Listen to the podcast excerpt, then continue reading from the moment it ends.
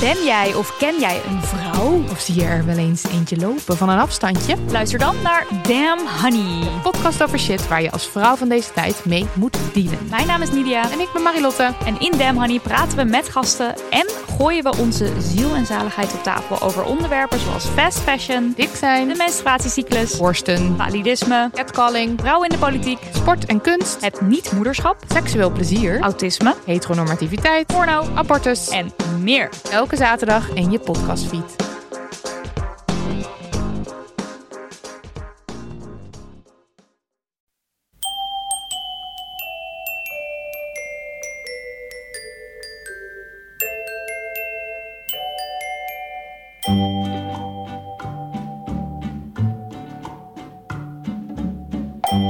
Welkom bij aflevering 203 van Echt Gebeurd, de podcast waarin waargebeurde verhalen worden verteld door de mensen die ze zelf hebben meegemaakt. Maar waarin ook af en toe iemand voorleest uit het dagboek dat hij of zij bijhield als puber. In deze aflevering het puberdagboek van Johan Gozens.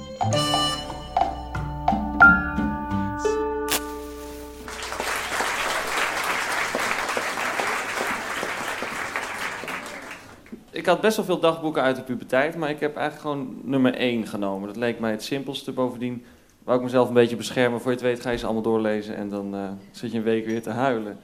Het grappige, dit boekje heet Dankdagboekje, staat ook voorop. Zo is het ooit begonnen, want het, is, het begon in 1999 en Oprah Winfrey die zei eh, dat je iedere dag voor vijf dingen moest bedanken. Je moest God of het universum of wat dan ook voor vijf dingen bedanken.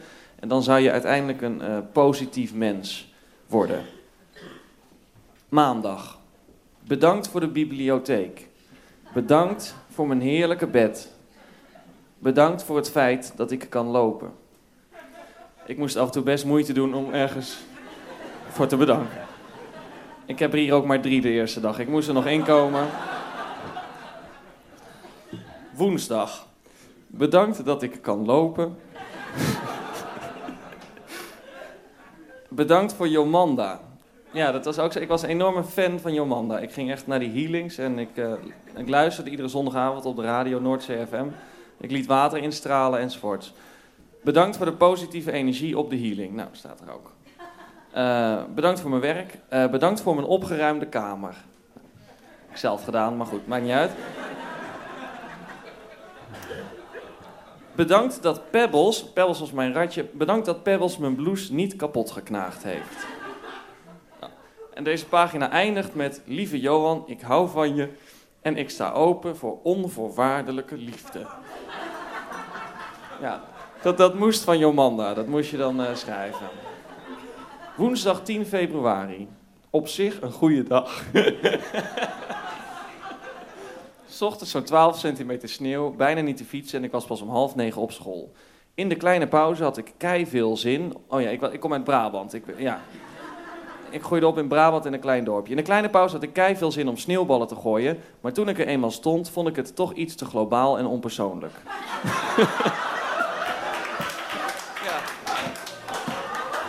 We stonden namelijk niet elkaar te bekogelen, maar gewoon als één groep de ruiten van de school in te gooien. Er schijnen twaalf ruiten te zijn gesneuveld. Bij de zoemer kwam- kwamen de conciërges naar buiten rennen. Tijdens de gym werd omgeroepen dat sneeuwballen gooien leuk is, maar dat het de les stoort en dat het schade veroorzaakt. Ik heb vandaag eh, twee donuts, een blikje cola, een hamkaascroissant op. Veel, hè? Maar ik dacht, carpe diem. ik, heb, ik heb dan ook een redelijk voldaan gevoel. Zo'n gevoel van, wat een leuke dag. Eenmaal thuis heb ik thee gezet en naar Heartbreak High gekeken. Leuk. Daarna gedart. Niet echt veel aan. Redelijk nutteloos gevoel. Aan het eten besloten Pebbles weg te doen. Mijn ratje, hij is lief, maar hij bijt alles kapot. Misschien wil Mark hem wel. Nu heb ik last van mijn keel en ik heb net gezonde luchtwegen tegen gehad.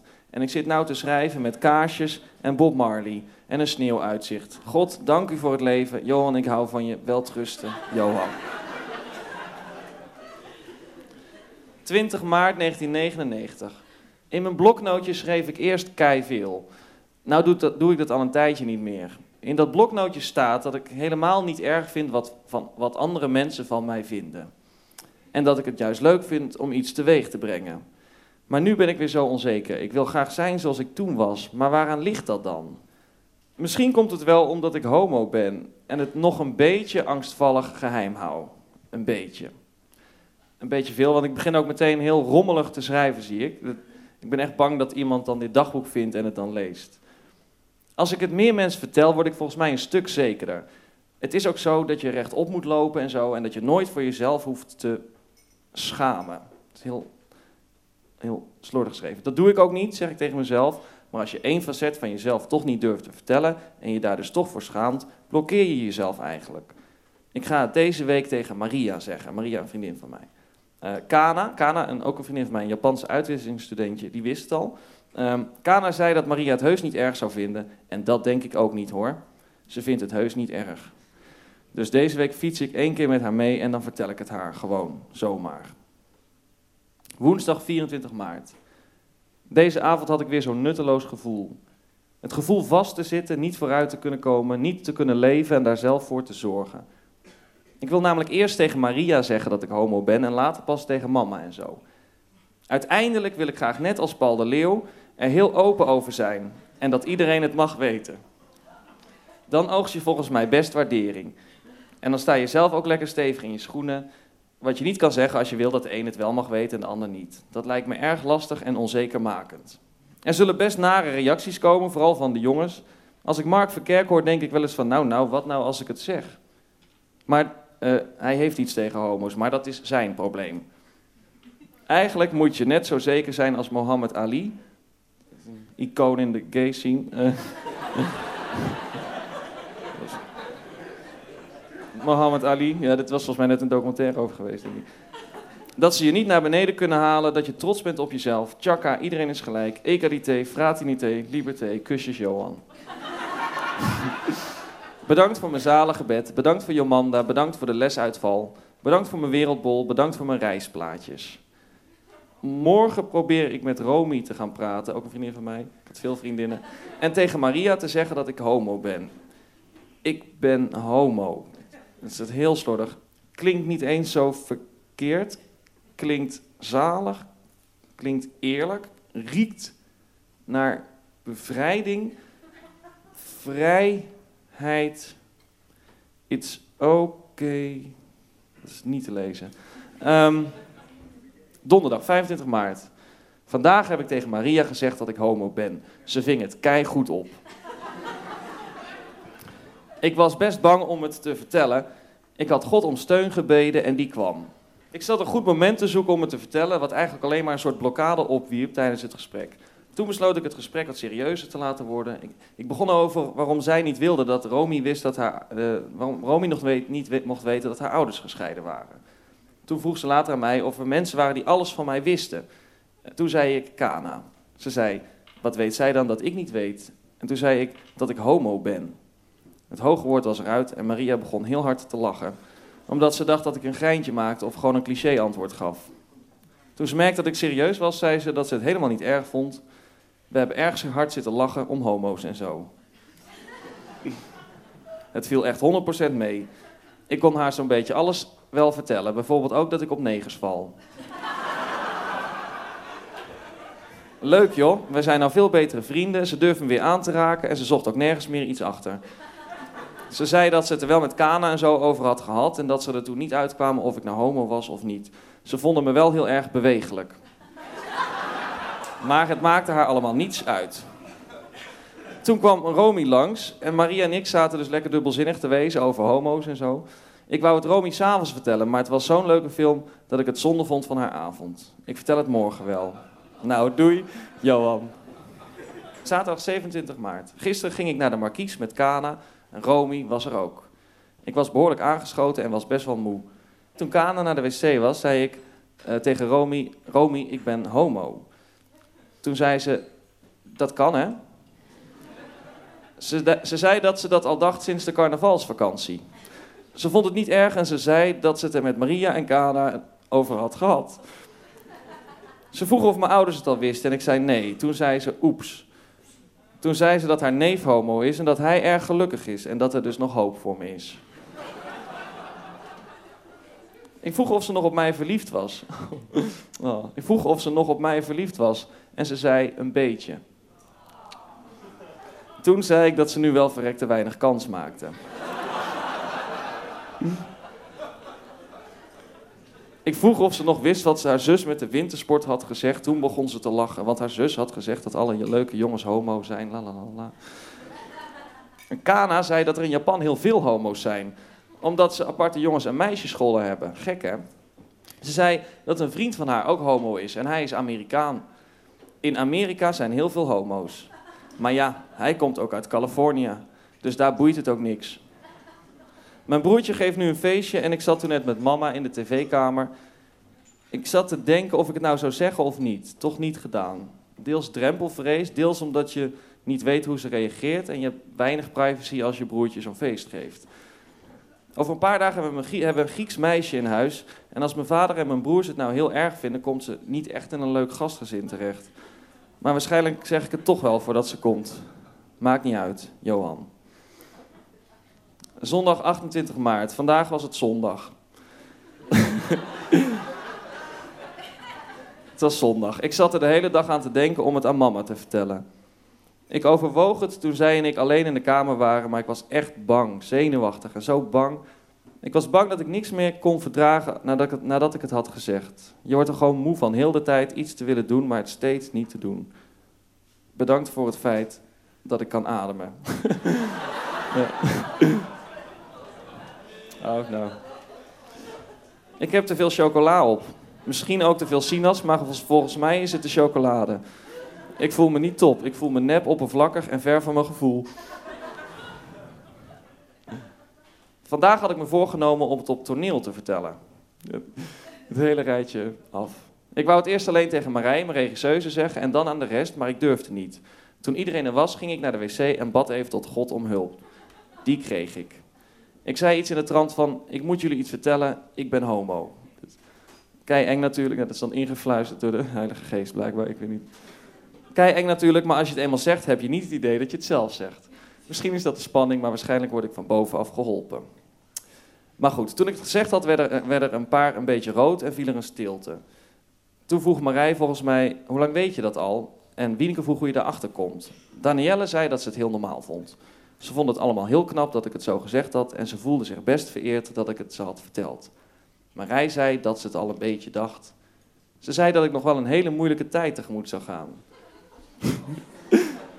Ze probeerde me moed in te praten, denk ik. Ze zei dat ik het beste zo snel mogelijk aan mijn ouders kon vertellen. Ze zeiden dat mijn ouders waarschijnlijk toch blij zullen zijn dat ik het vertel, ondanks alles. Nou. Oh, kijk, ja, de recept tegen reuma. Dat, ja, dat, dat deed Jomanda ook. Die gaf dan op de radio uh, goede tips en die schreef ik dan op voor het geval dat ik ooit reuma uh, zou krijgen. Als je reuma hebt, moet je dus eigenlijk je moet een, een, een kat aaien van de staart naar de kop. En dan even terug voor de goede vrede. En je moet het niet bij honden doen, want honden die ontladen die spanning niet, maar die nemen het allemaal in zich op. Dat kan, ja, kan altijd van pas komen. Dinsdag 6 april. Het is nu dinsdag en ik neem zo afscheid van Nadia. Nadia is het Griekse uitwisselingsstudentje. Eerst was ik van plan om het woensdag, morgen tegen mama te zeggen. Maar we hebben aanstaande zondag een familiefeest. Dus lijkt het me niet echt praktisch. Volgende week vertel ik het. Volgende week is redelijk ideaal. ik kan het dinsdag het beste zeggen, want maandag moet ik naar toneel en ik wil me dan wel een beetje kunnen concentreren. Woensdag kan ik lekker uitpuffen en troost zoeken bij Jomanda, dus dat is heerlijk. Aan de andere kant ben ik sterk als ik naar Jomanda ben geweest, dus kan ik het daarom misschien beter daarna vertellen. Nee, dinsdag lijkt me leuker. Dan kan ik in het weekend wegvluchten naar het werkweekend van toneel en de woensdag erop ga ik lekker naar Griekenland, heb ik er allemaal geen last van. Nou, ik spreek je vandaag nog wel. Later op dezelfde dag. Ik heb een, nu een Jomanda-kaars aangestoken en de CD opgezet. De CD is dan inderdaad ook gewoon de Yamanda CD. Die had ik ook. Ik heb twee albums. Ehm, bedankt voor het feit dat ik geen reuma heb.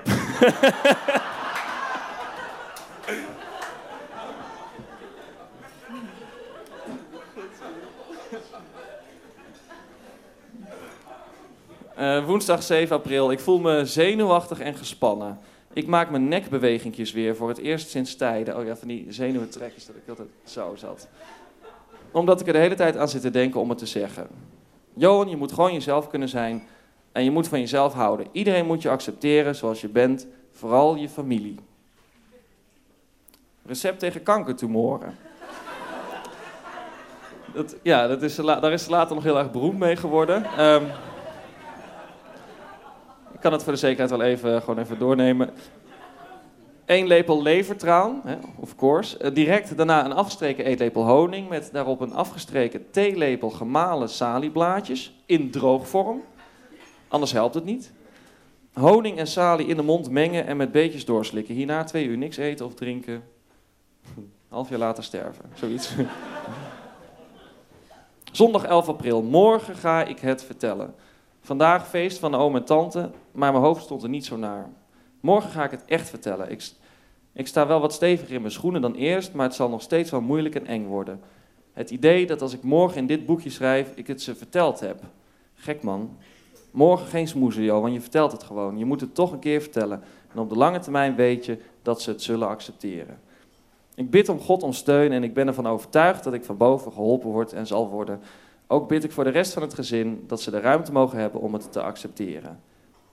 Een deel van mij heeft keihard zin om het te vertellen, dan heb ik een stuk minder spanningen meteen. Ik heb zin in een vriendje, maar ja, dan moet je eerst naar een homobar of iedereen moet het weten. Johan, sterkte. Hou van jezelf en van anderen. Laatste bladzijde. Maandag 12 april 1999. Dit is zo raar. Ik heb het net tegen mama gezegd. Ze gelooft niet dat ik homo ben en ze heeft me aan het twijfelen gebracht. Ze zegt dat je pas homo bent als je op een jongen verliefd bent. Dat ben ik ook wel, maar dat durfde ik niet zo goed te zeggen. Ik, ik vond het al heel wat dat ik zei dat ik homo was. Ze zei ook dat iedereen biseksueel is en dat ze vroeger ook wel eens verliefd was op haar gymleraressen. Maf, hè? Ik vind het kei irritant, want nu weet ik het allemaal niet meer, hoor. Ik had er net zo'n zin in om actief homo te worden.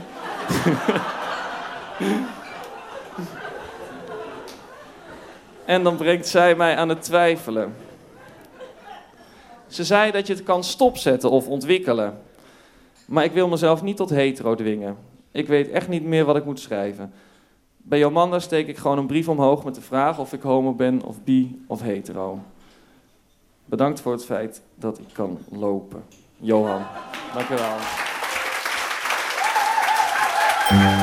Dat was het puberdagboek van Johan Gozens. Even voor de jongere luisteraars van Echt Gebeurd. Wie weet zit je wel met dezelfde dingen waar Johan destijds mee zat.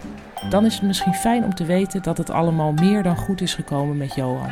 Hij is schrijver geworden en cabaretier. De afgelopen twee jaar stond hij in de theaters met een zeer grappige en ontroerende voorstelling Vlam. Die ging over seks en schaamte, of in de woorden van zijn eigen puberdagboek, over actief homo zijn. Momenteel werkt hij aan een boek over hetzelfde onderwerp en in september verschijnt bij uitgeverij Thomas Rap een bloemlezing die Johan heeft samengesteld uit de verhalen van de in 1992 overleden schrijver Bob den Uyl.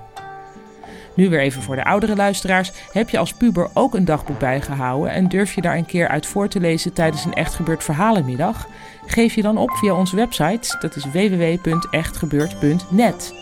En ook mannen, hè. Er zijn veel meer vrouwen die vroeger een dagboek hebben bijgehouden. Maar we horen ook graag waar puberjongens nou eigenlijk mee bezig waren in hun hoofd. De redactie van Echt Gebeurd bestaat uit Micha Wertheim, Rosa van Toledo, Maarten Westerveen en mijzelf, Paulien Cornelissen. Productie is in handen van Eva Zwaving. Zaaltechniek deed Nicolaas Vrijman en de podcast wordt gemaakt door Gijsbert van der Wal. Dit was aflevering 203. Tot volgende week. En vergeet niet, wees dankbaar dat je kunt ademen. En vertel het nou maar gewoon.